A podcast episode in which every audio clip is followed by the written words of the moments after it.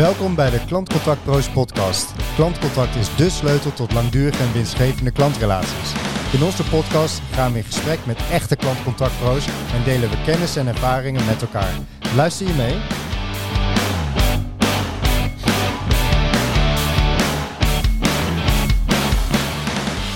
Kunt de andere Klantcontact Pro's podcast terugvinden op Spotify. En vandaag gaan we weer in gesprek met een collega uit de branche. Ik word uiteraard vergezeld door mijn collega Wietse Westerhuis. Yes. En vandaag gaan we in gesprek met Lennart Bardart, die alles gaat vertellen over stuurinformatie en klantenservice. Welkom Lennart. Ja, dankjewel. Leuk dat je er bent. Ja, welkom Lennart. Eh, voor de luisteraars die jou nog niet kennen, kun je kort vertellen wie je bent, waar je werkt en eh, hoe je in klantcontact terecht bent gekomen? Uh, foei. God, ik ben, uh, even kijken, begonnen in 2001. Mhm. Ben ik uh, bij PMG, Planet Media Group. Dat dacht ik toen. Alleen uiteindelijk bleek het SNT te zijn. Oh, oh dat was, was niet het echte KPN. Nee, hè, want ik uh, ben begonnen als uh, tankcommandant. En uh, pelotonscommandant op tanks. Oeh. Als klein jongetje wil je alleen maar op de tank zitten natuurlijk. Twaalf ja. jaar gedaan. En toen dacht ik van, nou, moet de burgermaatschappij in, door wat voor reden dan ook. Ik ging naar een vriendinnetje en die zei, wat wil je doen Lennart? Ik zei, nou, iets met leiding geven en jongeren of zo. Maar dan moet jij teamleider worden in een callcenter. En dat waren hele wijze woorden op dat moment. En toen zei ik, nou prima. En dan ging ik solliciteren, dacht ik bij Planet Internet. Maar het was uh, SNT, Facilitair Contactcentrum, toen nou Webhelp en onlangs weer overgenomen. Oké, okay. ja, mooi. Zo is het begonnen. Ik uh, ben heel blij dat je hier bij ons in de podcast zit, want we kennen elkaar al een tijdje. We hebben uh, ook wel aardig wat trajecten met elkaar samengewerkt. En uh, je weet uh, alles van uh, mijn voorliefde af voor sturen, operatie, et cetera. Maar ik kan me echt werkelijk niemand anders voorstellen die tot achter de komma precies weet hoe het in definitieboekje staat. Volgens mij, je hebt CPC niet geschreven, maar uh, volgens mij uh, ben je een van de uh, mensen in Nederland die dit echt kan dromen. En je hebt me in het verleden geholpen om collega's gewoon les te geven in hoe WFM werkt en stuurinformatie. Dus toen Omid zei, het wordt weer tijd om na de vakantie een nieuwe podcast op te nemen. Toen dacht ik, nou, ik ga Lennart vragen. En jij zei gelukkig ja. Ja, doe ik graag. Dus ja. super, super cool. Ja. Ik ben blij dat we weer uh, in een microfoon zitten. Ik weet ja. niet hoe jij erbij zit, ja, maar dat, het was uh, even geleden. Het is eventjes geleden inderdaad. En ik denk dat, uh, we kregen zelfs de vragen van... joh, gaan jullie binnenkort weer eens een keer een podcast opnemen? Want het is nu wel een poosje geleden.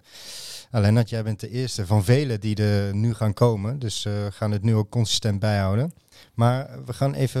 Het, dit wist ik niet. Lennart heeft jou alles geleerd? Lennart, zei, zei, dat, zei dat ja, nou? Ja, alles. Alles, maar uh, wel een uh, deel, ja. Uh, ik, ik, geloof dat Lennart de eerste was die mij op de man vroeg wat de definitie van, nou toen geloof ik occupancy en nog een aantal definities waarvan ik dacht, ja, die weet ik gewoon. Nou, als je dan met je mond vol tanden staat en je werkt al een tijdje in de branche, dat was toen, hè, dat is al heel lang geleden hoor. Maar daar voelde ik me niet heel fijn bij. Toen dacht ik, oh man, dit gaat me echt nooit meer overkomen. Als hij uh, de eerstvolgende keer vraagt wat het is, dan, uh, dan weet ik dat. Dus ik ging een lijstje aanleggen van alle terminologieën. En het heeft uh, best wel af en toe wat jaartjes geduurd, moet ik heel eerlijk toegeven, voordat ik het pas snapte. Want een definitiekennis, eenmaal echt snappen wat het doet. Ja, en tegenwoordig is het natuurlijk ja, bazaal. Dit is de, de, de, onze kost, dit is wat we doen voor a living, zeg ik dan altijd. Uh, en dit is de basis van waar wij uit uh, werken uh, als consultant en interim manager. Dus voor Metrics ga ik altijd naar jou, maar jij ging altijd naar. Ik ging altijd naar, naar Lennart. Lennart. Ja, als ik echt hele, oh, mo hele moeilijke dingen, rond. Ja. Ja, ja. Dus daar komt het vandaan. Ik heb nog een lijstje. nou, misschien komen we er nog aan toe. Ja, gaan we kijken, ja. Maar ja, uh, we hebben het over cijfers. We hebben het over uh, operationele sturing, als ik dat mag zeggen. Mm -hmm. Uh, jouw achtergrond is dat je bent gestart uh, bij Planet Internet, eigenlijk stiekem SNT. Uh, hoe ben je eigenlijk daar ingerold? Want ben je echt begonnen als vanuit de cijfers of ben je begonnen vanuit sturing? Hoe is dat? Hoe ja, heeft zich dat ontwikkeld? Ik, ik begon natuurlijk, wat ik zei, als teamleider. -hmm. hè, um, gewoon als een reguliere teamleider binnen, binnen een klantenservice. Um, daarna werd je dan vier maanden later ook baas van de teamleiders. Dat noemde hij dan toen nog senior teamleider. Ja. En, uh, en daarna client service manager, contractverantwoordelijk voor uh, Planet Internet. Alleen deed ik met een andere collega, Peter de Boer. Hij deed de financiële kant en ik deed een beetje de, de technische datakant. Oké. Okay. Vanuit ja, niemand weet het, maar bij Defensie moet je ook rekenen. Doe eens gek. Weet je, als je tanken niet doet, moet je even V0 berekenen. Dat is eh, elevatie. En dus rekenen kon ik wel. En, ehm, en zo hebben we een beetje een verdeling gemaakt. Jij doet de, de commerciekant, dan pak ik wel de techniekkant. Nou, met Planet Internet is dat natuurlijk eh, makkelijk en zo is het gegroeid. Oké. En waarom vooral die kant? Ik ben van origine een, een geel persoon, hè? een cirkel van jong, zo geel als de Jekko. Maar ik moet wel blauw zijn binnen klantenservice. En gele personen vinden het gewoon niet prettig, weet je, van oh shit, heb ik dat wel goed of niet? Dus ik denk, ja, dit overkomt mij niet, al die leugens. En zo Mhm. ben ik erin gedoken. Ah, Zo is het. Mooi. Ja, dan moet je het wel weten. en eh, weet je het ondertussen? Volgens, volgens mij, nou ja, je mag leunen op ervaring, maar ervaring eh, kan ook tegen je werken. Hè, juist waar we net over hadden, over definities. Hè, pak eens occupancy. Nou, Ja. tien mensen in een ruimte, elf Mhm. verschillende definities. Weet je, je, je moet wel schakelen van, nee, wat vind jij occupancy, wat vind jij? En wat is het verschil dan tussen occupancy en bezettingsgraad? Mhm. Weet je, of broei je financiële bezettingsgraad? Of heb je het toch over productivity of productiviteit? Of hebben we allemaal over hetzelfde? Ja, zijn nu eh, van de 100 luisteraars zijn er nu gelijk 60 afgehaakt. Ik zeg, bel me. ja. Maar ik zou zeggen, Nou, blijf precies, vooral ja. eh, hangen, want uh, dat klinkt misschien heel technisch, maar het is uh, super cruciaal. Uh, en jij bent natuurlijk een purist uh, als het gaat om cijfers. En, en, ik ben heel erg blij dat we mensen zoals jij hebben. Ja. Uh, maar uiteindelijk gaat het over operationele sturing. Ja. Wat versta jij daaronder? Om even een beetje de begrippen bij elkaar te krijgen. Uh, nou ja, operationele sturing. Hoe stuur je nou een klantenservice? Mm -hmm. Operationeel. Hè? Dus dan heb ik het niet per se over uh, tactisch-strategisch. Maar hoe doe je het nou in de operatie? En waar begint dat? Um, bij de medewerker. Ja, een beetje stichting open deur, maar daar begint het wel bij. Alleen medewerkers één. Je hebt ook een middenkader. Je hebt ook de financiën, je hebt ook de klant. Mm -hmm. En die zet je bij elkaar. Dus ik ben heilig van overtuigd. Operationele sturing kun je niet op een paar KPI's doen, maar het moet een zet van een KPI zijn. En uh, idealiter zet je die KPI zo neer dat je een compleet beeld krijgt. Of op zijn minst een valide keuze durft te maken. Maar dan moet je ze wel bij elkaar zetten. Maar als je een keuze maakt, dan, uh, dan moet je volgens mij inzicht hebben. Daar begint het mee. Is handig. Um, en uh, waar, maar ja, operationele sturing, wij zeggen altijd, ja, operationele sturing begint bij WFM. Maar zie je dat ook zo of is dat anders? Uh, nee, zie ik anders. Uh, WFM is een hele belangrijke, nou ja, een van de WFM-metrics is natuurlijk een input-metric voor je operationele sturing. Mhm. Mm -hmm. WFM moet facilitator zijn voor je, voor je operationele sturing. Okay. WFM moet equiperen dat je voldoende mensen hebt zitten. Ja. Maar andersom ook, WFM heeft input metrics van de operatie nodig. Denk aan AAT, doe eens gek. Mhm. Weet je wel? is wel handig dat WFM een beetje weet, hebben we een stabiele AAT of uh, gaat het van uh, links naar rechts, van voor naar achteren? Dus die wisselwerking moet je blijven doen. En um, dus je kunt het niet doen, alleen in de operatie sturen ze om te helpen dat, dat, die, dat die klant gewoon in de ideale wereld wordt geholpen. Dat je medewerkers nog een beetje tevreden zijn. Um, acceptabele kosten. Mm -hmm. Dat is uh, denk ik heel handig. Klinkt simpel. Jo, maar zo. Nee, dat zeg ik niet. Ik wou zeggen, zo simpel is het. Um, maar we moeten het wel zo simpel mogelijk houden. En we maken het misschien een beetje moeilijk.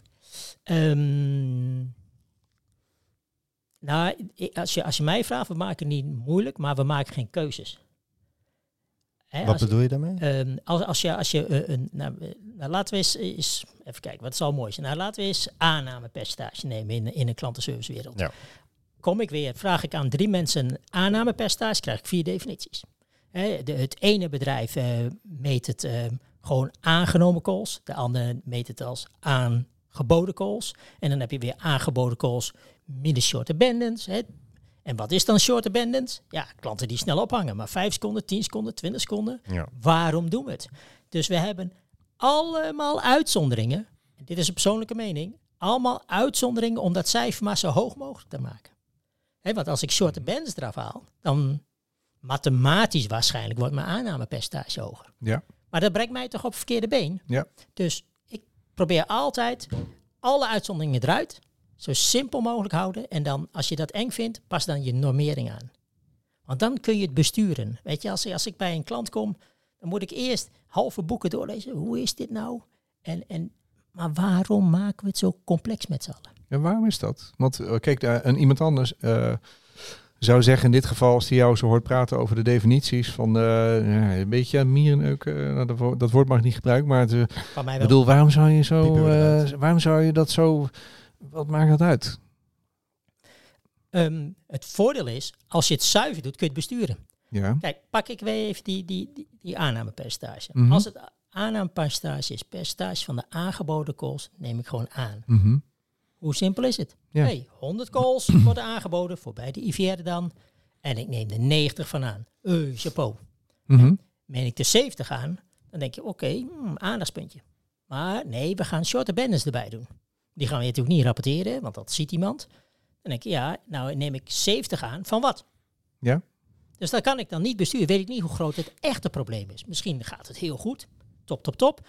Maar misschien heb ik nog wel een heel grijs gebied wat ik niet helder heb. Betekent dat, eh, want dit is één KPI, en, Ja. eh, betekent dat als je niet goed doorgrondt eh, wat daarin zit, dus wat de definitie is, dat je dus ook niet kan sturen?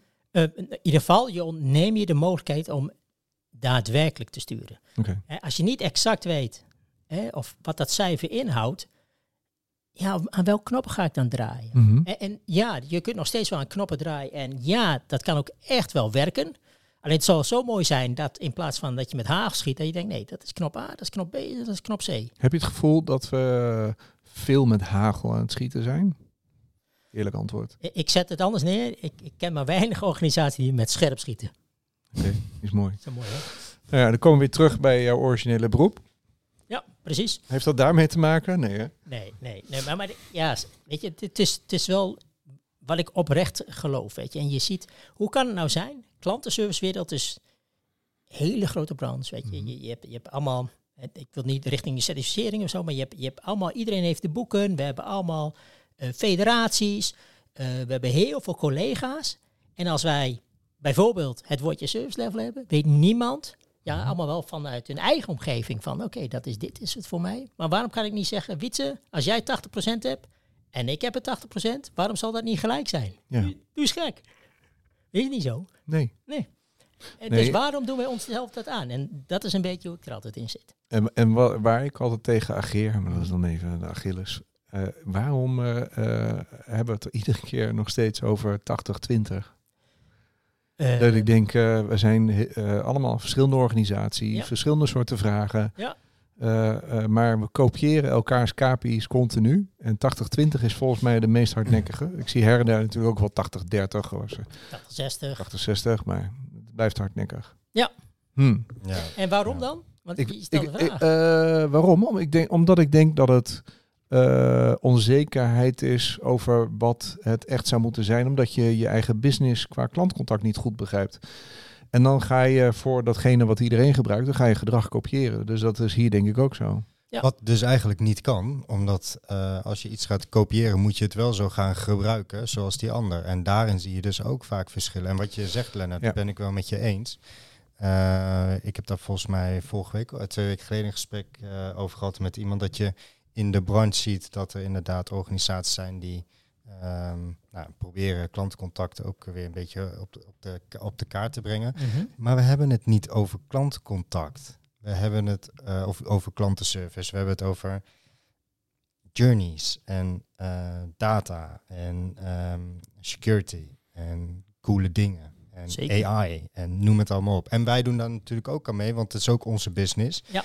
Ehm, en het is natuurlijk minder sexy om te praten van, hmm, maar hoe zijn je metrics binnen de klantenservice op dit moment? En hoe ga je daarmee om? Dat, gebeurt dat gebeurt niet veel. Nee, maar, maar ja, dat komt je natuurlijk wat je, wat je aangeeft, eh, ze- zeker met, met AI en zo, dat, dat is natuurlijk ook wel sexy. En seks zelfs. En, ehm, en, en als je pak je, je customer journeys, weet je, dat is echt, ik geloof echt wel essentieel, maar doe dat pas als je de baas op orde hebt. Dat is natuurlijk ook weer zo'n dooddoener. Maar ook weer zo'n term, operational excellence begint wel aan de basis. Weet je, en als jij in controle bent, echt, hè, dat jij bijvoorbeeld met je WFM-afdeling, met je BI-afdeling zegt, joh, ehm, bijvoorbeeld, hey Lennart, aankomende week verwachten we dit, maar dit is de onzekerheid en mijn verwachting is dat we toch 86% eh, bereikbaarheidspercentage hebben. Plus aan 2, confidence level 95%. Oké, dan gaan we daar een besluit op nemen. En dat geeft rust. En al doe je dan onderperformen, weet je, als die onderperforming ook voorspeld is, ja, weet je, ik stel je voor dat ik in een managementrol zit. En denk ik, ja, ja, ja, sorry hoor, kloten. Maar de randvoorwaarden zijn wel, hè, de, de, de mensen die, die, die input geven, die weten waar ze mee bezig zijn met het vak. En dat vind ik wel eh, lekker. En dan kun je een andere keuze. Heb je misschien wel dat je capaciteit bij moet doen. Hè, want dat is ongeveer regel 1, als het niet goed is, meer mensen. Ja, Ja, Klopt. en, eh, en ja, misschien is dat niet zo. meestal niet zo, denk ik. Hè? eh, Dat ligt eraan, Ja. Mooi. Ja, ik, ik, ik zeg altijd, je mag niet te veel op ervaring leunen, maar ehm, inderdaad, eh, de, de, de, het, het, het spasme is vaak meer mensen. En, en vaak zit er ergens anders nog wel wat ruimte. Maar je zegt, eh, het is fijn als je in controle bent, want dat geeft rust. Maar dat betekent dus dat je eh, redelijk goed moet kunnen voorspellen wat er op je afkomt. En dan moet je, je in controle zijn van je proces. Ja. Eh, ja, ervaring spreekt, dat is best lastig. Want volgens mij is klantcontact een van de meest dynamische omgevingen ever. Klopt. Dus eh, hoe doe je dat? Heb je een A4'tje? nee, nee. We hebben hier een, eh, ik heb hier een whiteboard, eh, maar we hebben gezegd dat je op je stoel moet blijven Nee, zitten. Dat, dat klopt. Nee, maar ik Ja. denk, eh, procescontrole essentieel. Dus hoe meer variatie je in je proces hebt, weet je hoe moeilijk het te voorspellen is. Hoe moeilijk het te besturen is. maar dus- variatie waarvan? De- ja, van je proces en definieer je proces. Hè. Dat kan een facturatieproces zijn, dat kan Mhm. eh, de proces zijn op kwaliteit, dat kan je proces zijn eh, eh, dat je in gesprek bent met de klant. Maar dat is variatie in de zin van de, eh, de output of de... Extra, nou, wat, Ja. hè, dus als je het gaat meten, hè, dan, dan, als je een homogeen proces hebt, dan zou je verwachten vanuit data, Mhm. pak ik even AAT, hè, elke klantenservice werkt dan natuurlijk mee, en dat je een kleine spreiding hebt van je AAT. Ja. Iedereen kent wel een, een, een histogram, als die lekker dicht bij elkaar is, dan heb je waarschijnlijk weinig variatie in je proces. Nou, als je weinig variatie in je proces hebt, dan kun je het voorspellen. Dan Mhm. is het ook auditable. Je kunt ook controleren wat gebeurt er, want doen ze ook wat wij vragen dat ze doen.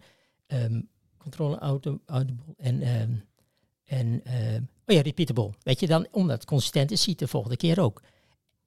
En als je dan niet tevreden bent over die output, dan weet je, hey, dan kan ik sturen aan mijn proces. Ik moet mijn proces efficiënter doen. Dan gaat bijvoorbeeld wel de AT naar beneden. Of ik moet mijn kwaliteitsproces iets anders inrichten, mijn trainingsproces.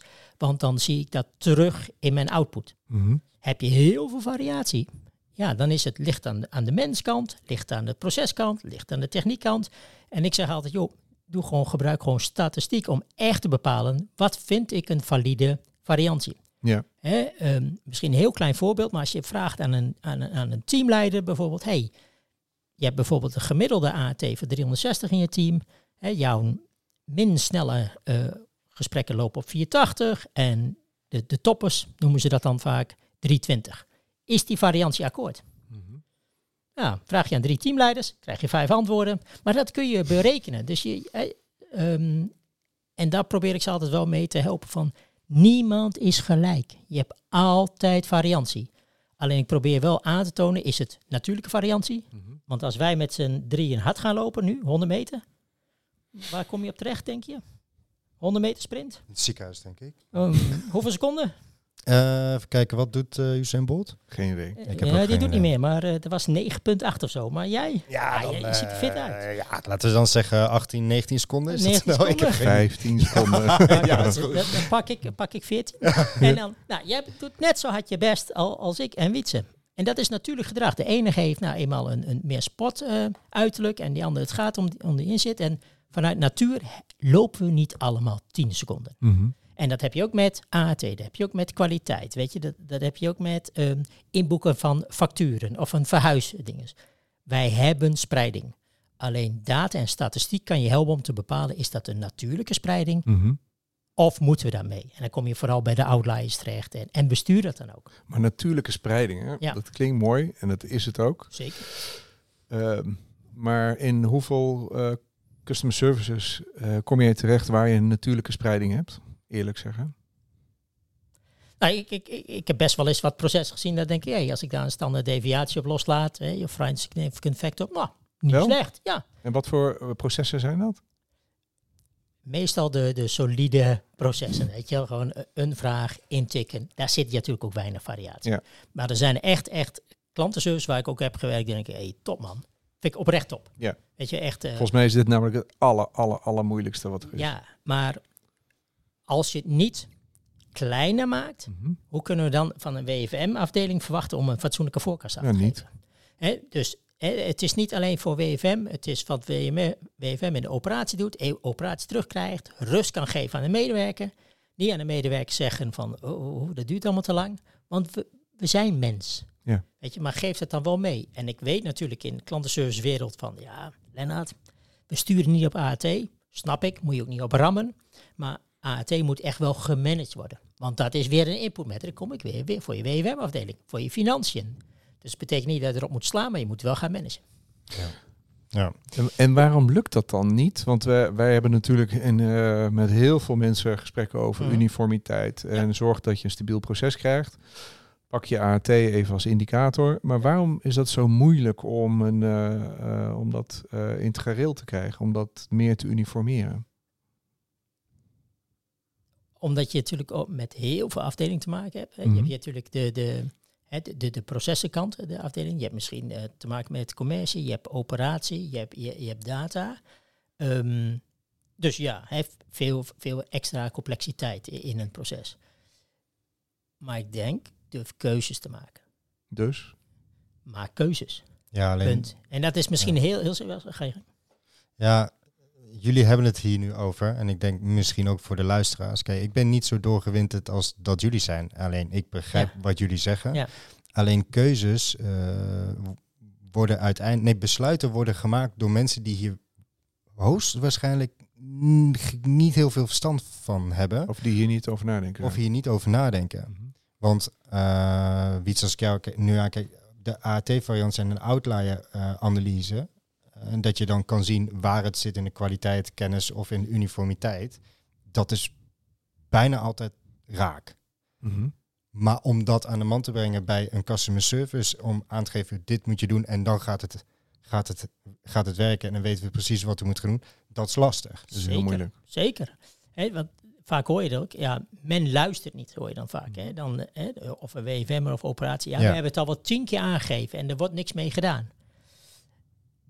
Mijn hypothese is dan van, joh, als jullie het altijd aangeven, en, en dan heb ik niet binnen één bedrijf, maar meerdere bedrijven, maar de overkant luistert nooit, is het misschien de wijze hoe wij het aangeven. Het, je, eh, als je niet zorgt dat je elkaars taal spreekt, hè, dat, dat je die, die liaison bent of dat brugje maakt, dan ga je elkaar niet vinden.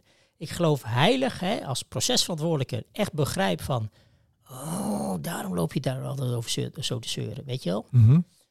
Dat je dan wel wederzijds begrip krijgt. Alleen je moet elkaars taal wel begrijpen. Je snapt je natuurlijk als marketing de time to market wil reduceren. Ja. En jij als WFM zegt, x12. Ja. Hè, want ik moet roosteren en we hebben OR. Weet je wel, ja, dat is natuurlijk, dat ligt mijlenver uit elkaar. Maar dat betekent niet dat je geen keuzes te- kunt maken. Maar wat heb je dan eh, in jouw ogen gewoon echt nodig als je, eh, om dit voor elkaar te krijgen? Eh, de, wat heb je nodig? Of wat moet je doen? Misschien een andere vraag, maar zit Nou ja, in wat, dezelfde wat lijn. heb je nodig is altijd lekker. Gewoon valide data die je met elkaar kunt vergelijken. Daar begint het mee. Hè, je hebt natuurlijk ehm, in heel veel klantenservicewereld, alle klantenservicewereld, we hebben enorm veel cijfers. Ja. En ik zeg altijd, maar het hebben van cijfers betekent niet dat ze gebruikt worden. Nee. En dan zegt ze tegen mij, jawel Lennart, we hebben rapportages. Nou, mooi verhaal. Mhm. Weet je wel, eh, top. Weet je wel, en, en als je je rapportages bouwt, zorg dat je daar ook besluit op kunt nemen. Kijk, vaak zijn de rapportages en dashboards gebouwd van hoe doen we het hier en nu. Ehm, hoe is de bereikbaarheid? Hoe is de klanttevredenheid? Hoe is de NPS? Weet je, het zijn allemaal van die statische cijfers. Maar het is heel moeilijk om te zeggen, hey, als we aan deze knop draaien, wat gebeurt er dan aan die knop? Mhm. En wil je dat advies kunnen geven, of dat nou een BI-afdeling moet doen of vanuit de operatie, dat maakt me helemaal niet uit. Heb je wel je dataset zo nodig dat je een relatief simpele correlatie, coëfficiënten kunt doen of een, een, een Zodat je verbanden kunt leggen. ja, gewoon even. En dat hoeft niet hoogwaarde statistiek te zijn. Maar het kan wel gewoon even. hey, dat buikgevoel voor mij wil ik in mijn hoofd hebben. Mhm. Heb ik mijn dataset zo op orde dat ik denk van... hey, klopt dat inderdaad? Weet je wel? Als ik dit doe, gaat dat dan omhoog of gaat het naar beneden? Want dat, dat is heel complex. Want dat betekent dat je gewoon exact moet weten hoe de verbanden liggen. Dat moet je dan vervolgens in de rapportage gieten. En op een gegeven moment dat je denkt, hé, hey, eh, eh, dit gaat fout, dan moet je eh, een deep dive doen naar de onderliggende oorzaken.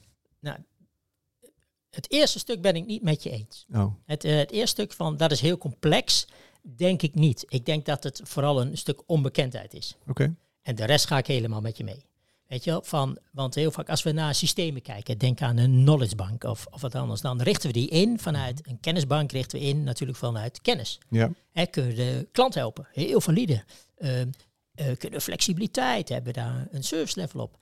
Maar wie richt het ding in? Oké, als we die kennisbank, als we dat richting ons data warehouse geven, welke belangrijke inzichten kunnen we daaruit halen dan?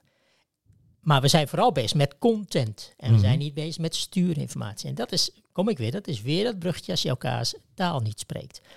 Dus als je die data zo aggregeert, je zit lekker voorin, dan kun je relatief makkelijk dit soort doen. Ja. Daarmee zeg ik niet dat alle vragen beantwoord kunnen worden. Ik heb Snap ik. voorbeelden zat, weet je, echt een hele bak data. En dan de uitkomst is, we zien het niet. Weet je, we kunnen niet aantonen, maar dat is prima. Weet je, dan weet je in ieder geval dat het in ieder geval geen stichting open deur is. Maar je moet wel zoeken. Dus het gaat niet om, eh, eh, de, je wil niet een cijfer hebben en, en weten hoe je het doet, alleen dat. Want dat is natuurlijk wel belangrijk. Maar je Ja. wil, je zegt, je moet vooral inzicht hebben in eh, waar de relaties zitten en hoe je kunt verbeteren. En Ja. welke knoppen je moet draaien. Exact. En die inzicht is vooral als jij KPI 1 omhoog wil hebben of naar beneden. Ja, vaak is een KPI een outputfactor. Een output van iets. Ja. Dus je wil weten, hey, ik heb drie inputvariabelen. Zal toch mooi zijn als ik een uurtje werk heb. Aan welke knop ga ik draaien? Hoogste, ik hoop voor je de knop waar je het meeste effect haalt. En bij wie hoort dit dan te liggen? Want we hebben natuurlijk heel wat mooie rollen. We hebben, Of, of is dit gewoon een sales pitch van jezelf? Nee, nee, nee, dat nee, kan ook, hè? Dus is Nee, prima. nee, nee, nee, Wie nee. hoort Mede het? mogelijk gemaakt door Lennart. Nee, Ja, ik, ja. ik doe alleen maar klussen dat ik denk, weet, daar krijg ik energie van. Ehm, ehm, ehm, even kijken.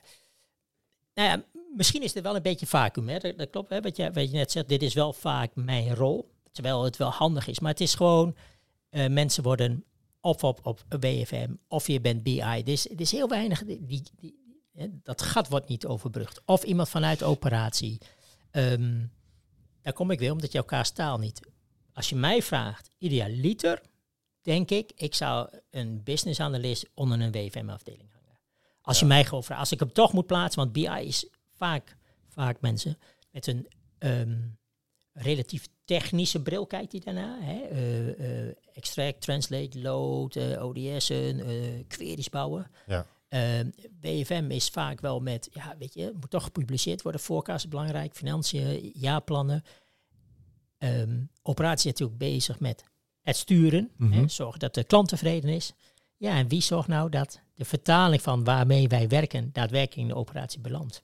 En als je hem dan ergens moet hangen, weet je, en je hebt toch een WFM-manager, hangen daar de, dichtbij. Hebben de forecast ook profijt van? Enorm veel profijt van. Maar vanuit, vanuit Maar technisch, technische optiek begrijp ik het. Maar Ja. en, en de managers dan? Teamleiders?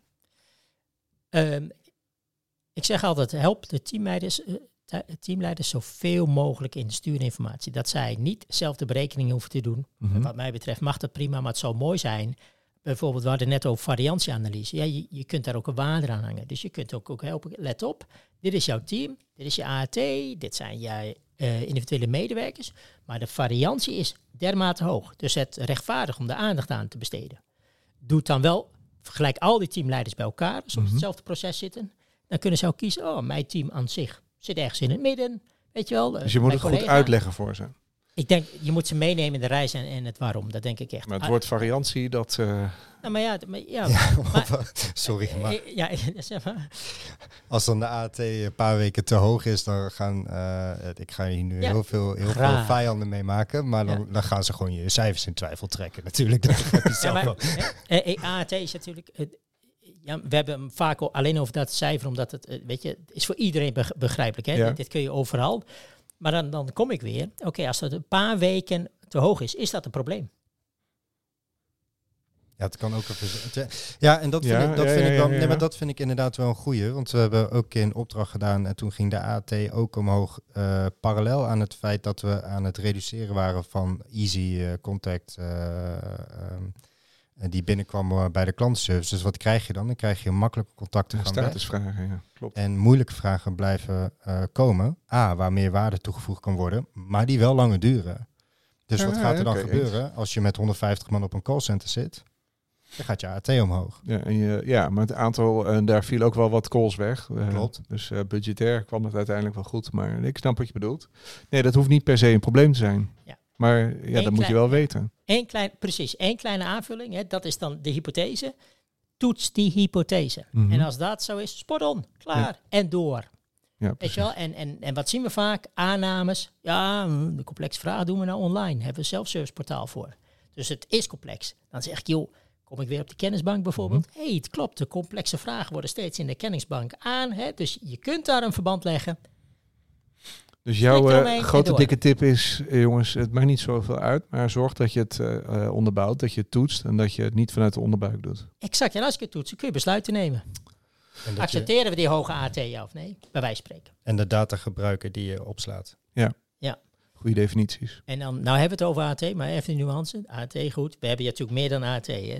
Het is ook hè, Oh. de medewerker tevredenheid. Jij hoor. Voordat ze denken, wat zit daar iemand? Hè? Nee, AT is het, omdat iedereen dat begrijpt. Maar het is ook wel een beetje handig. Hè? Medewerker tevredenheid, de, de klant, CZ of NPS 6, whatever. En waar ben jij fan van? AT? Nee.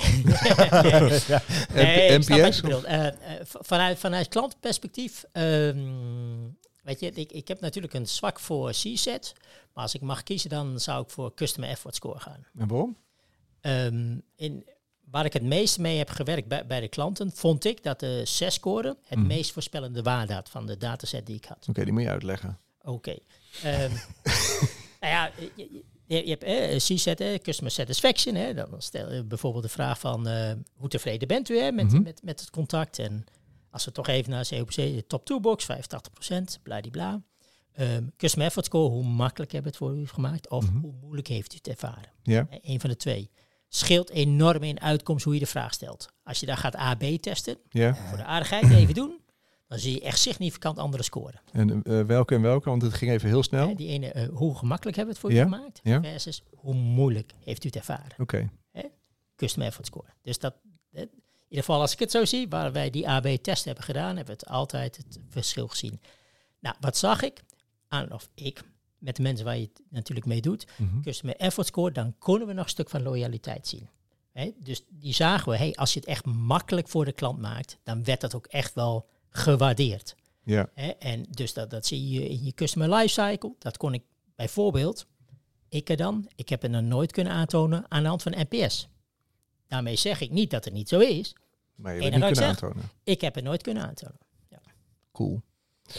Ja. Hoe lang doe je dit al, Lennart? Ja, vanaf 2001 hè.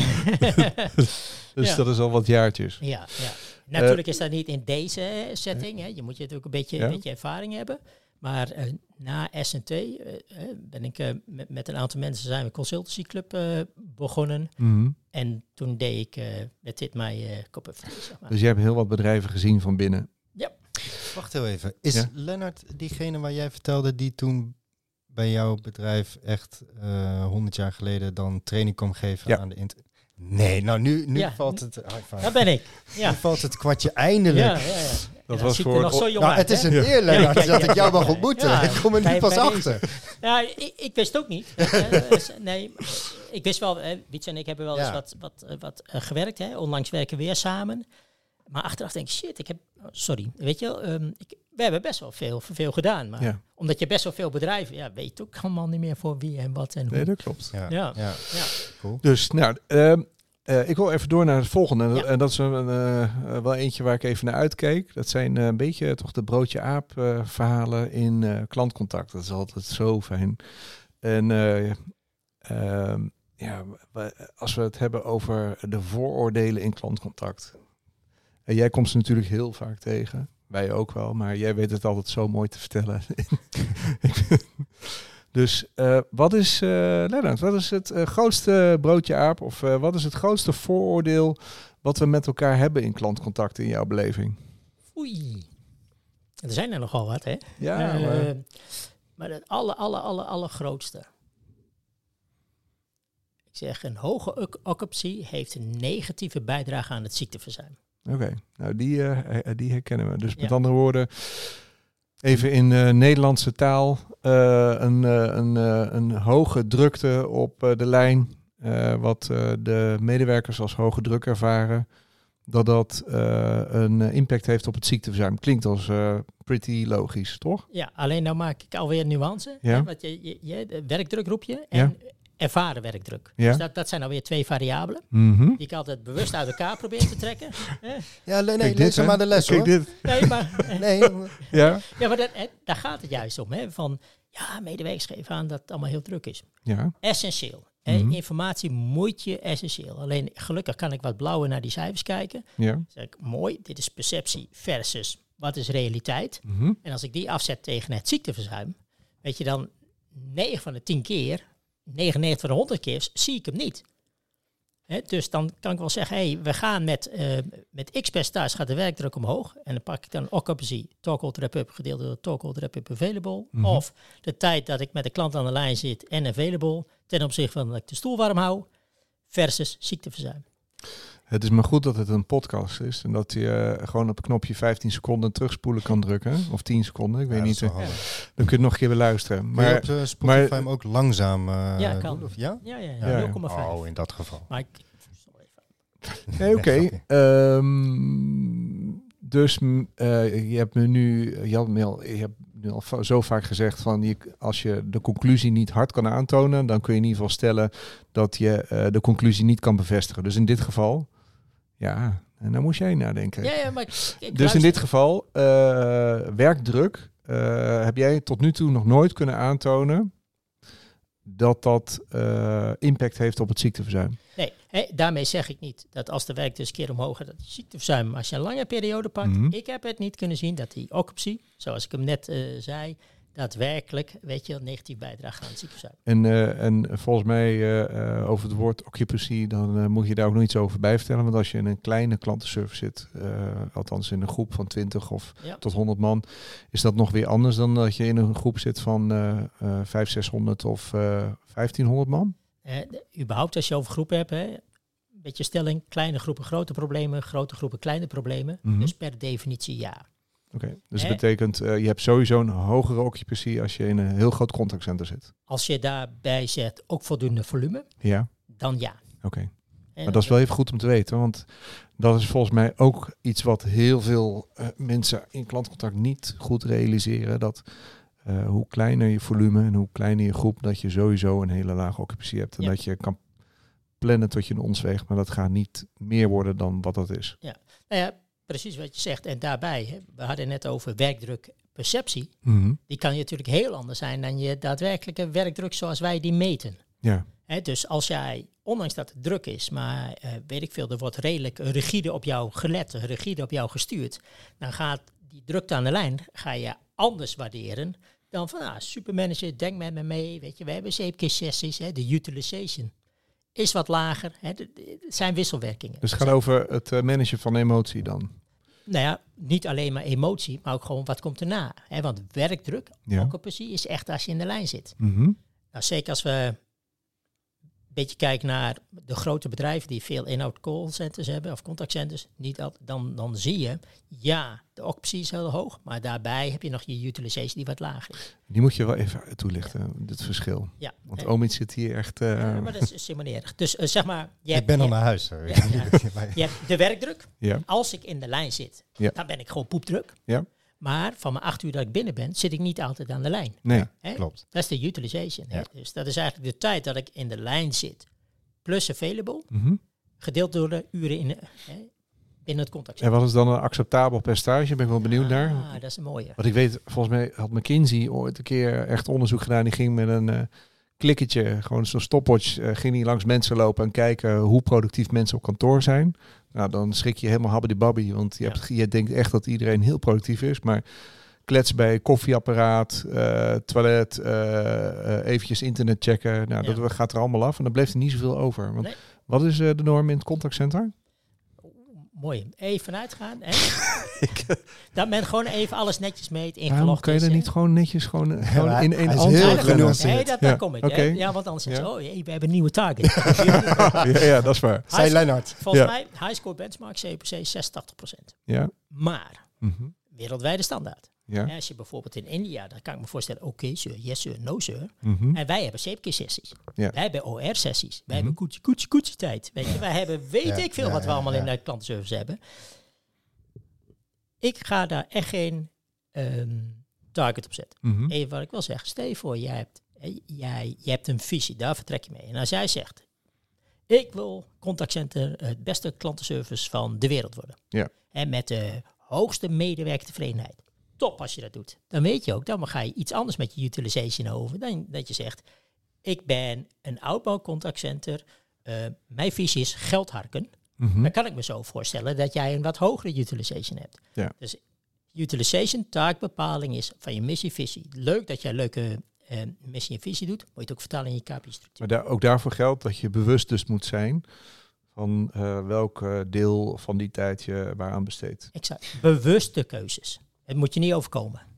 Ja. Oké. En dan kom je eigenlijk wat je in het begin ook zei van je moet wel fatsoenlijke doelstellingen hebben en niet alles kopiëren van elkaar, want je hebt A niet dezelfde strategie als organisatie, wat misschien niet bij je past, en je meet ook helemaal niet op dezelfde manier. Nee, dus dit moet je sowieso niet En kopiëren. ik hoor dus nu ook nog de factor grootte van de klantenservice heeft dus ook nog eh, eh, impact. Hmm, Oké, Ja, interessant. Interesting. Doe, eh, we doen er nog eentje. oké. Kom. Hey, even hè, wat je Ja? zegt, de targetbepaling, een Ja. fatsoenlijke Ja. targetbepaling. Ik vind dat het allermoeilijkste in klantenservice. Lennart, wat vind jij? Ja. Ja, is gewoon knoepend moeilijk. Hè, dus gewoon Ja, want dan, moet, zeggen, dan moet je gaan nadenken over je identiteit en hoe je, hoe je je contact wil hebben. Dus je moet Dat vinden wij tot in de leukst. haarvaten begrijpen eh, hoe jouw contact overkomt, hoe dat eh, georganiseerd is. Dus je moet het heel goed snappen en eh, ja, hoe je dat wil modelleren, verbeteren. Exact. Hè? Ja, dat is moeilijk. Pak alleen bijvoorbeeld service level. Ja, leuk vanuit financiën. Maar je hebt de klant, je hebt het senior management, je hebt kostenstructuur, je hebt werkdruk. Je hebt zoveel om te komen van... Ja. Wat past nou bij ons als bedrijf? Weet En je, dat is, dat ja. kun je niet op een vrijdagmiddag, of zoals de Belgen zeggen, tussen de soep en de patatten. Mocht je. Belgische luisteraars hebben. Mhm, Zeker. Ja, die hebben we zeker. Oké, nee, dat is, eh, die is om over na te denken. Nog eentje. Heb je, eh, zijn er vooroordelen over AT? Kom op. Ah, denk ik, eh, als je stuurt op AAT, dan daalt de customer satisfaction. Ik denk dat dat er ook één. Nee, dat weet ik zeker. Dat is er één.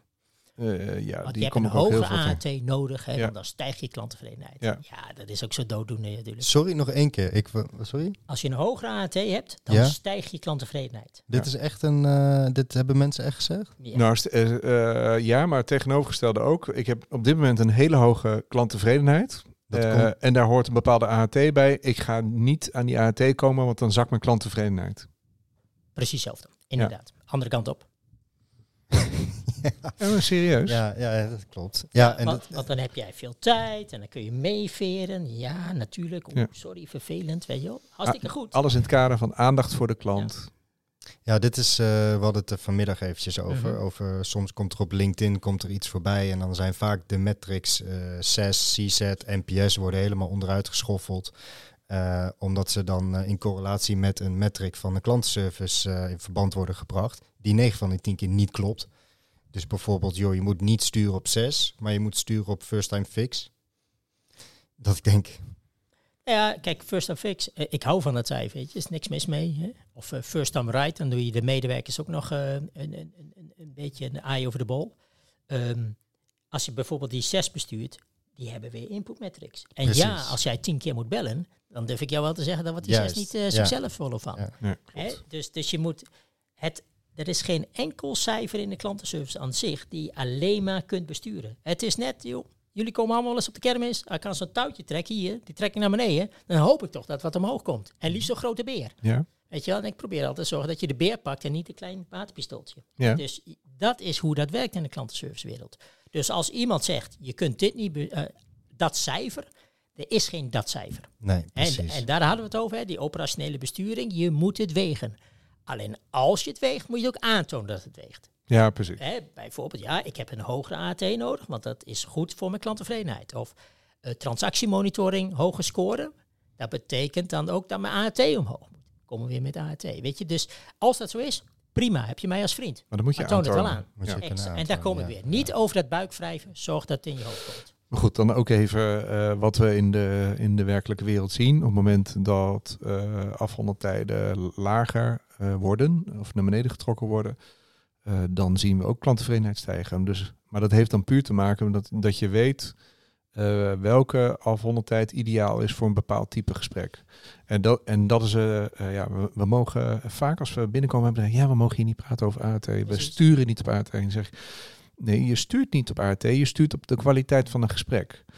En dan is de vraag, wat is voor jullie het uniforme goede gesprek? Exact. Ja. Nou, dat, dat, dat is lastig, want dat is misschien niet altijd te duiden. Dan vraag ik, oké, maar welke medewerkers in jouw team vind jij dat die de beste gesprekken voeren? Nou, dat weten mensen dan vaak wel aan te wijzen. Nou, en als je dan naar die groep mensen kijkt, ja, die hebben een bepaalde gesprekstechniek, die vragen goed door, maar die vragen wel direct de juiste vragen. Dus die hebben daar niet veel tijd voor nodig.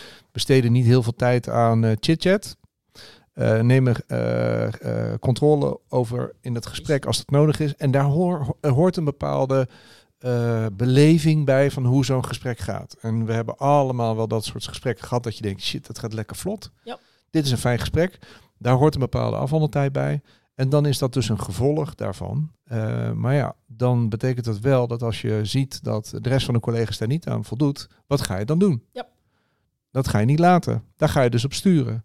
Dus dan stuur je volgens mij op eh, iets anders, maar de ART is dan een indicator, een, een onliggend cijfer. Ja, en het, ik, ik denk dat eh, het lastig voor bedrijven is om, eh, want dan ga ik toch maar even de klantreis pakken, want uiteindelijk zijn er meerdere afdelingen binnen de organisatie die voor die één klant werken. Mhm, mhm. Want klantservice, marketing, IT, de research and development, noem het dan, zijn bezig met, met die ene klant, maar hebben allemaal een andere KPI om te meten of die klant ook daadwerkelijk dan goed geholpen is en of de medewerker het uiteindelijk goed heeft gedaan. Dus die marketeer die heeft een conversiepercentage die moet halen en die gaat ook misschien af en toe nog even een NPS uitsturen. Ja. Eh, eh, klantservice heeft AT, QM, eh, bereikbaarheid, et cetera, noem het. Maar het, het praat nul met elkaar. Dus het wordt niet met elkaar in verband gebracht van wat doet die metric met, voor deze metric en wat is dan die sweet spot. Dus wij hebben bijvoorbeeld, hou hem vast, Nee, nee, ik ben het helemaal mee eens. tot een, eh, een analyse gedaan waar we ook gekeken hebben naar NPS eh, eh, contactmetingen en eh, de, de, ehm, de data bij customer service. Mhm. Waar dan hele mooie resultaten uitkomen. Wat heel logisch is, eigenlijk. Maar het wordt nooit zo in, Wat- met elkaar in verband gebracht. Nee, en dan even dan terug op dat, eh, die- LinkedIn-post dan, eh, die je ziet over NPS. Ja, Mhm. ik snap dat, dat je, dat je eh, er niet warm van wordt, van NPS, omdat je er niet induikt. Het Ja, dan moet je even Nee, toelichten. meten toelichten. en meten om elkaar Die, waar, die- waar ging die post over? Even toelichten waar de post over ging. Dat, Dat iem- zei- iemand zei dat hij NPS een 6 niet wilde gebruiken. Ja. Omdat het niet sexy is. Ehm, ja, nou, omdat, omdat het eh, eh, niet de juiste richting geeft. Ja. Dat was het. En het geeft wel de juiste richting als je erin duikt en als je het gaat correleren met andere metrics, wat uiteindelijk ten goede komt voor je eindklant. Ja, dus weer, weer Silo. Ja, dus niet eh, alleen maar kijken naar een afhandeltijd, maar kijk ook naar hoe een klant het beoordeelt. Kijk naar hoe je QM-score is. Kijk naar je first and fix. Ja. Kijk naar al die variabelen en beoordeel dan over een langere periode van tijd eh, hoe, eh, ja, wat het zegt. En equipeer je teamleiders daar ook mee. Ja. Help hun daarmee, weet je, om juist die, die dataset naast elkaar te hebben. Is dat makkelijk? Nee. Is het onmogelijk? Ook niet. Maar dat moet je gewoon goed mogelijk. prepareren. Nadenken. En wat hebben zij binnen jouw omgeving nodig? Ja. Bij de ene omgeving is net wat extra's. Bij, bij, misschien bij zorgverzekeraar doe je X. Ja. Energieboer Y, prima. Maar zorg dat je denkt, hey, welke combinatie van data's, van metrics zet ik naast elkaar, dat ik Mhm. een besluit kan nemen. En ja, we hebben het veel over AT gehad, omdat het een voorbeeld is. Maar het is die hele dataset voor je operationele sturing. En weet dan, als ik daaraan ga dra- eh, eh, draaien, wat, wat gebeurt er dan? Oké. En ze zit. Ik eh, ga er een stelling in gooien. Doe maar. Eh, dit is een stelling, Lennart, die... eh, ja, ik heb een tijdje eh, heb ik de kar getrokken bij de KSF. En deze kwam regelmatig voorbij. Die kwam ook, het werd dan voor mij voeten gegooid. En ik ga hem nu bij jou voor de voeten gooien. Ik ben benieuwd. Er moet een keurmerk komen voor contactcenters. Ja, En waarom? ik denk maar dat het stelling is, hè, ja of nee. Dus, ja, het is een... eh, een, Ja, ge- eh, een, eh, eh, gewoon lekker bout. ja. Ja, ja ik ben daarvoor. Eigenlijk, we, we zijn nou begonnen dat elk bedrijf, weet je wel, eigenlijk het, het, hetzelfde meet. Althans, de perceptie is dat we hetzelfde meten, maar elk bedrijf doet het anders. Dus het zou mij helpen van, joh, wil je echt benchmarken? Wil jij de zorgverzekeraars met elkaar gaan vergelijken op klantenservice? Ja. Wil je de energieboeren eh, gaan vergelijken op klantenservice enzovoort? Dan is het wel lekker dat je appels met appels. Dat, heb- maar dat, dat zeg je, we willen op definitieniveau. Nou ja, kijk, ik was als voorbeeld waarom ik zoiets zeg. Ja. Onlangs lag ik, eh, nee, vorig jaar al, dat is helemaal niet onlangs. In de krant las ik, ja, hè, want het was ook een zorgverzekeraar. ehm, we hebben onze service weer op orde, onze Mhm. kwaliteit op, op orde, want we hebben een service level van 80%. Dat stond letterlijk in de krant. Dan moet jij je moeder eens even vragen wat dat betekent. Nobody knows. Of niet. Hè? En, en, en zelfs op dat niveau dat je dan dat projecteert, we hebben een service level van 80%, dan stel je voor dat je dan wel weet, is dan een 70% slechter. Hè? Het is een servicegraad en geen kwaliteitsmetric. Dus wil je echt appels met appels, dan vind ik het wel heel lekker dat je ook de klantenservice daar een waarde aan, aan Is het binnen 30 seconden? Is het binnen dat 80? maakt me helemaal niet uit. Dat maakt me niet uit. Weet je, maar inderdaad, hè, dus de threshold, ja, natuurlijk wel. Maar we hebben nu al op definitie niet. Ja. En het gaat me niet uit dat, ehm, dat iedereen exacte definitie. Ik, ik wil daar best nog wel een stukje met die short abandons bijvoorbeeld over hebben. Het ene bedrijf wel, andere niet. Mhm. Maar het is wel waarom. Alleen de huidige standaarden. ehm, ik, ik, ja, ik, ik hou er wel van. Alleen zorg wel dat het tastbaar is. Want soms kun je wel een, een standaard hebben. Eh, dan moet je eerst een change budget hebben van drie ton. Ja, wel. maar wat voor eh, standaard hebben we het dan over? nou ja, weet je, kijk, ik- ja, ik- dat vind ik persoonlijk een hele fijne, maar dat is natuurlijk, het leeft op. Maar niet voor kleine bedrijven. Weet Maar je is een, een, dat is geen eh, keurmerk. Dus ook, eh, hoe, eh, hoe moet je dat uitleggen? Wat, wanneer is het een standaard en wanneer is het een keurmerk? Nou ja, het gaat me niet om het labeltje keurmerk, weet je wel. Dat, hè, maar het gaat erom, als je toch met elkaar wil concurreren en je, je wil daar wat mee doen, hoe doet de klantenservicewereld nou hè, in Mhm. Nederland ten opzichte van elkaar? Dat vind ik wel prettig dat we dat een eerlijke vergelijk kunnen doen. De Consumentenbond doet regelmatig hè, onderzoeken. En dan is het toch vaak wel op bereikbaarheid en, en redelijk smal. Maar het zou wel mooi zijn. En dan kun je natuurlijk zeggen, ja, maar we hebben een soort ISO-certificering, hè, of à la ISO. Ja? Ehm, ja, ik, heb, ik heb wel eens met ISO meegelopen en ik heb ook wel eens met de COPC meegelopen. Ehm, ja, daar zit een wereld van verschil in. En ik denk dat ergens in, in het midden zit wel een sweet spot. Hè, dat, ehm, en, en alleen documenteren is niet zo. Dus ik vind ook, wil je gaan een certificering hebben, dat vraagt wat van je operational excellence, hè, Mhm. van je operationele stuurinformatie, van, van je besturing van je MT, tot aan medewerker. Hè, en, ehm, en daar hou ik wel van als het aan standaard is. Maar ja, eh, ik ben van de processen en weinig variatie, dus ehm, daar zou je niet van moeten schrikken. Nee. Alleen tuig iets op dat je denkt, als je dit hebt, dan is het geen papieren tijger, dan hebben Dan ze het gewoon het. voor elkaar. En daar denk ik dat we nog niet zijn. Oh, ik zeg een eh, nieuw businessmodel. Daar zijn we nog niet. nee. Denk je dat het haalbaar is? Ik denk dat het heel moeilijk is. hè. En, wa- en waarom? Ehm, het, het, kijk, het, het belang ervan zien. Het, ehm, ik denk dat het echt dat je een positieve business case kunt maken. Ehm, ja, hoe lang is de, de branche nou? Beetje, beetje, beetje begint volwassen, halverwege jaren negentig of zo. En soms hebben we nog steeds het gevoel dat we cowboys zijn. Ja, Hè, klopt. hè, helaas verbaas ik me nog wel eens. Denk ik, hoe dan? En dat is helemaal geen onwil. Ehm, maar het zijn heel vaak... ehm, mensen komen aanvliegen in de klantenservice en blijven daar hangen. Weet je, dat, daar Ja. ben ik ook een van. Ehm, maar eh, vaak heb jij die beginnen aan de telefoon en dan naar teamleider. die- Heel top, maar je, je, je krijgt geen frisse blik. En, en, en, en, en juist omdat eh, dat er niks officieels is, dan hou je eigen waarheden. En ik vind dat gewoon heel, heel zonde. En je hebt zoveel expertise in de markt, alleen- we bundelen het niet bij elkaar. En ik denk niet, als men dat eerder had gedacht, dan hadden we dat al lang gehad. En het is nooit echt lekker van de grond gekomen. Omdat Nee. het dan of te complex is, of te veel detail, te veel data, of te veel klant, Te veel belangen. te veel belangen. Hè? En, en, en maar ik gewoon denk, joh, een- een prima standaard waar ook kleine contactcenten zich aan kunnen committeren. Zeker als je een nieuw programma hebt, pak dat boekwerk erbij. Maar dan is het gewoon hou vast. Waarvan je denkt van hoe, hoe kun je dat nou op een goede manier inregelen? Dat je hou vast hebt, dat je het enigszins effectief efficiënt doet. En dat je gewoon een goede klantenservice kunt neerzetten. Ja, Daar de- gaat het definieer dat goed, hè, maar eh, hel- help mensen er ook dan echt, Ja. echt mee. En, en dat is wel wat ik. Kijk, als ik bij een klant kom, en dat zullen jullie ook wel hebben, ehm, eigenlijk of, of ik nou vanaf 2000 praat of nu, eigenlijk doe je bijna altijd weer het wiel uitvinden. Je weet het wiel, alleen we zijn altijd, hey, waar, waar ligt het wiel hier? Ja, Dat is toch zonde? ja, klopt. Weet je, het is nou vierkant en wij denken, nou, maken we een rondje van. Hè? Helemaal druk aan het ding. Maar je doet het elke keer weer opnieuw. En, en dan denk ik, ja, in dit, dan dit. Terwijl elke organisatie heeft zijn eigen ja, politiek, zijn eigen vernuftige dingen. Klopt. Ja, kon we dat maar eens wat eh recht trekken. Oké, Dus vandaar dat ik daar wel voor ben. helder. Ja. Stelling 2. De traditionele KPI's, zoals gemiddelde afhandeltijd en first call resolution hebben we het over gehad, Mhm.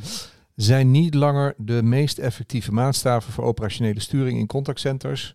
We moeten ons meer richten op klanttevredenheid en de emotionele intelligentie van medewerkers. Dat is een lange stelling. Ja, dus daar moet ik ook lang over nadenken. Ja, omdat in een jaar en het is een ja en nee, hè? Ja, je ma- ik maak ervan wat, je, Ja, ja, wat nee. bij jou het beste past. Wij, wij zijn niet zo heel Nou, is moeilijk. het tweede gedeelte van de stelling kun je Ja. niet loszien van het eerste gedeelte van de stelling. Mhm. Dus vandaar. Oké, dus- maar de, ik, ik had ook geen. eh, de- de- dit antwoord verwacht ik wel, maar vertel. Nee, dus eh, maar ze zegt nee. Je gaat nu zelfs mijn stelling gewoon ter discussie Oh, stellen. Sorry, Sorry, omdat Maar, eh, wees ze- goed. Te veel variantie. Ik- ik- Leg het ja, uit. precies. Ik sta hier van, Ja. je, je moet de hele hè, metrics, je hebt eh, Ja. performance, je hebt financiën, je hebt klant, je hebt mens. Hè, die moet je bij elkaar brengen. Ja, En jouw stelling, beide kanten, is mens en, en productie. ja. Dus ehm, ik zal zeggen, nee, pak nog steeds de basis. Wil je rust in je toko krijgen? Mhm. Zorg dat je de basis in orde hebt. En, en, en neem mensen ook mee waarom je ergens op stuurt. Dat is voor alle medewerkers eerlijk, echt waar. Hè? Want ehm, nou kom je heel vaak bij, bij, bij klantenservice. Dan denk je, oh, de werkdruk is heel hoog. Mhm. Ja, bij een selecte club mensen, Mhm.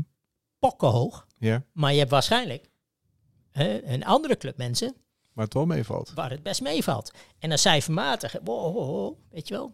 En dan denk ik, ja, ga dat eerst besturen met z'n allen. Zet die, die basis neer. En, en daar hoort ook de klant bij. Mhm. En daar hoort ook echt wel de medewerker bij. En mijn, eh, mijn, mijn stelling is, mijn- mijn hypothese ook, als je, de, als je het werk eerlijk verdeelt over een veel grotere groep, Ja. dan zie je dat, dan zie je dat terug in je hele... En, en wat zeg je dan tegen managers die zeggen, ja, ik heb maar één KPI, Lennart, en dat is mijn medewerker tevredenheid. Dan zeg ik, nou, top, top hè, medewerker Mhm. op één, eh, is asset, geloof ik direct. En mijn vraag is, mag ik even je visie nog een keer horen? Medewerker tevredenheid. Oké, en dan wordt het een heel lastig van. Ja. is ook heel belangrijk. Alleen, Ja. het is altijd vertrekpunt, waar wil je staan als bedrijf? Ja. Weet je? En als jij Je zegt, moet het in relatie zien tot waar je naartoe dan wil. komen we weer, je kunt niet één metric besturen. Nee. Het is ook lastig, hè? want ehm, ik, kijk, jullie gaan natuurlijk al wat jaartjes mee. Je zijn het 2001, volgens mij jij Mhm. 2000 dan, Drie. drie. Dus Lennart iets langer. Dan. Oh. Ehm, eh, eh, maar j- jullie kunnen dit misschien bevestigen. Ik, ik doe even de aanname Ja. dat het toen ook meer over de metrics ging binnen klantenservice dan dat het nu gaat. Want ik heb het Nou, Nee, want ik heb nu ik zeg maar het gevoel dat. Ehm, nou, we hebben heel lang eh, heel veel outsourcen gedaan. Geen aandacht gegeven aan klantcontact. eh, niet veel eh, werk gemaakt van customer experience. Jij hebt toen een opdracht gedaan bij Access for All. Dat was een beetje de eerste die ook veel met behoud en opzeggingen en retentie ging Mhm. doen. mhm. En En KPN nu- daarvoor. En KPN. En nu sinds vijf, zes jaar is in één keer iedereen helemaal hyped van eh customer experience, CES-scores, VES-scores, eh, NPS-scores, noem het allemaal op. Nou, dat is ook al een jaartje of twaalf. Maar wat, wat, krijg, je, wat krijg je dan? Mhm. Eh, ehm, eh, marketing gaat zich meer bemoeien met klantenservice. En nu is er krapte op de arbeidsmarkt en zijn medewerkers heel belangrijk. Dus wat gaat er nu gebeuren? HR gaat zich bemoeien met k- klantenservice. Dus krijg je, je moet twee keer per jaar een survey uitsturen voor MTO. Je moet eh, eh, emotionele intelligentie bij medewerkers stimuleren en eh, zorgen dat ze goed op hun plek zitten. Als ze willen poepen en plassen, dan mag je niks zeggen over een plasketting, want anders dan heb je andere podcasts die helemaal over exploderen. Dus er zijn zoveel mensen binnen een organisatie bezig met klantcontact, Mhm. zonder dat daar een soort van Lijn een het. lijn in zit en regie en strategie in zit. Maar het komt wel allemaal terug bij die medewerker. En dan, En wordt- en dan, en is klant. klantcontact heel moeilijk. Want eh, eh, het is een beetje een Babylonie. Dat is letterlijk de Babylonische spraak van je begrijpt elkaar niet. Je hebt eh, allemaal je eigen doelstellingen en het is niet in lijn met elkaar. En dan ben je 9 van de 10 keer meer aan het vechten met elkaar. Of op zijn minst, als je het goed doet, proberen elkaar te begrijpen. In plaats van met elkaar samen te werken. Nou ja, en, en daarom zei ik, je begint operationele sturing weer. Mens begon ik volgens mij. Ja. Hè, de operatie, hè, klant en financiën. Ja. Je moet ze samenbrengen. Je kunt niet alleen maar mens. Je kunt niet alleen maar operatie. Hè. Je kunt niet alleen maar finance. Nee. Hè, dus en, en wat ik herken helemaal wat je, wat je zegt. Hè, en volgens mij is dat ook heel valide. Hè, de- zeker in de hoogconjunctuur. Hè, dan, dan zou je hè, je nuance wel doen. Maar dat betekent niet dat je de rest moet vallen. Hè, want als je je operationele sturing niet lekker hebt, dan gaan de rest die er zit, gaat ook lopen. Klopt. Hè, weet je, je kunt het niet zien.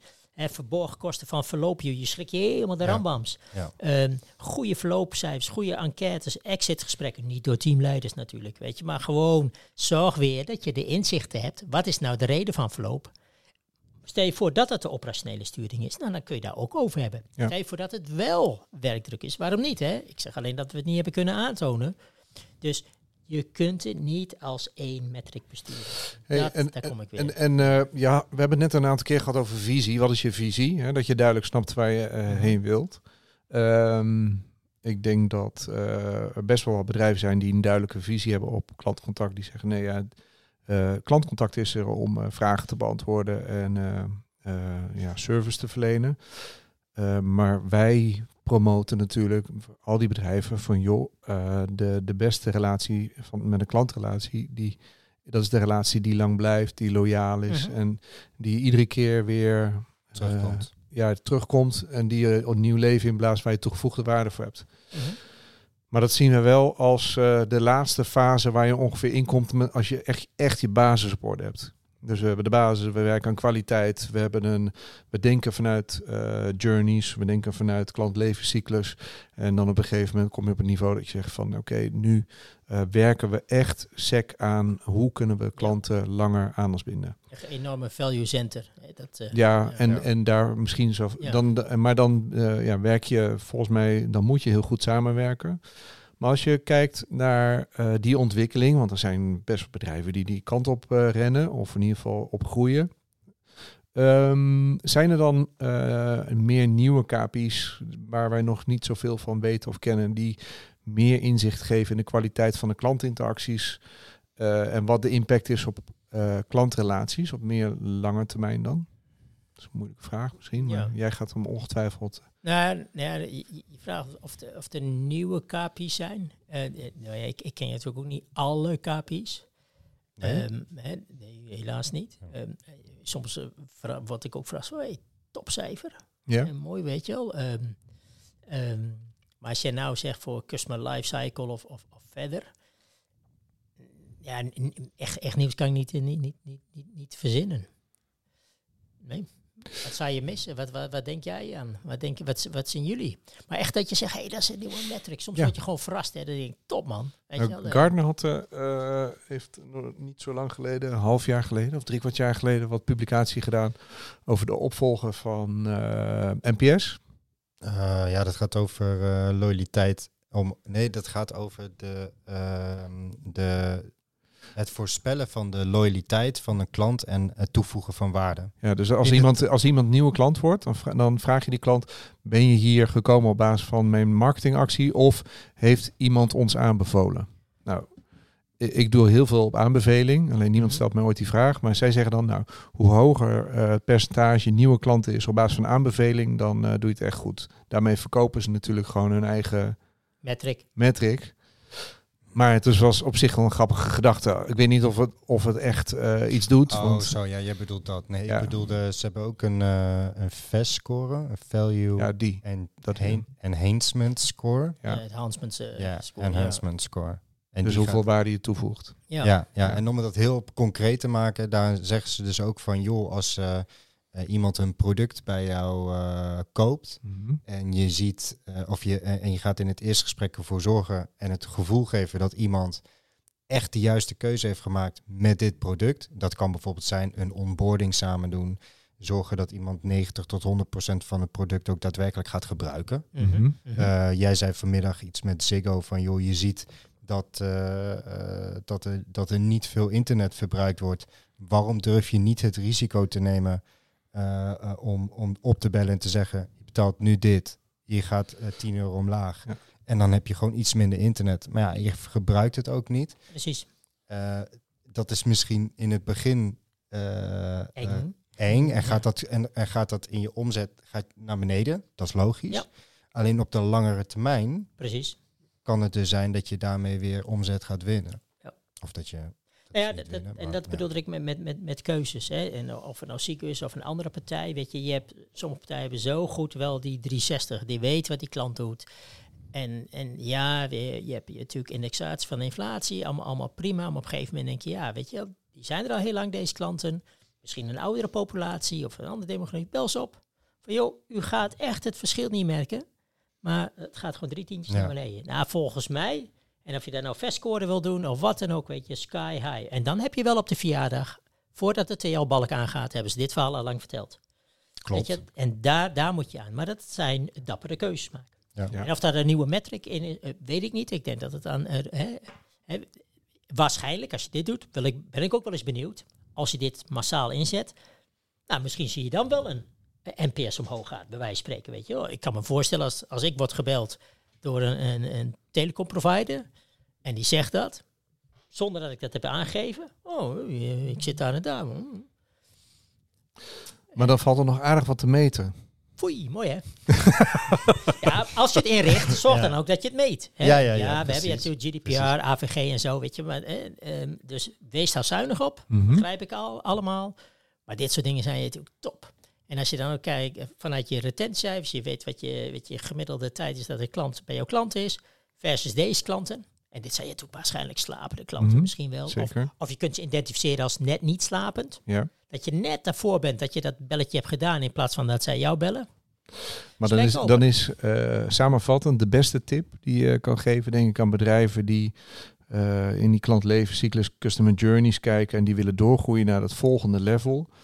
Dan is het beste advies om zorgen, zorg ervoor dat je de data hebt waarbij je een mix hebt van eh, parameters die je met elkaar kunt vergelijken. Ja, en, en, en die samen dan ook een besluit kunnen geven. Ja, precies. Ja, hè, dus Die- dat- je dat ook weer, hey, als ik aan deze draai, dan wil ik mijn Ja, doelstellingen dus het gaat niet om eh, eh, eh, het cijfer voor vandaag. Het gaat erom wat kunnen we of wat moeten we doen en waar moeten we aan draaien om het te verbeteren. Ja, en, en ik ken zat bedrijven, weet je, daar heb je echt hele prima econometristen, weet je. Geef hun zo'n opdracht, weet je, die gaan er helemaal los op.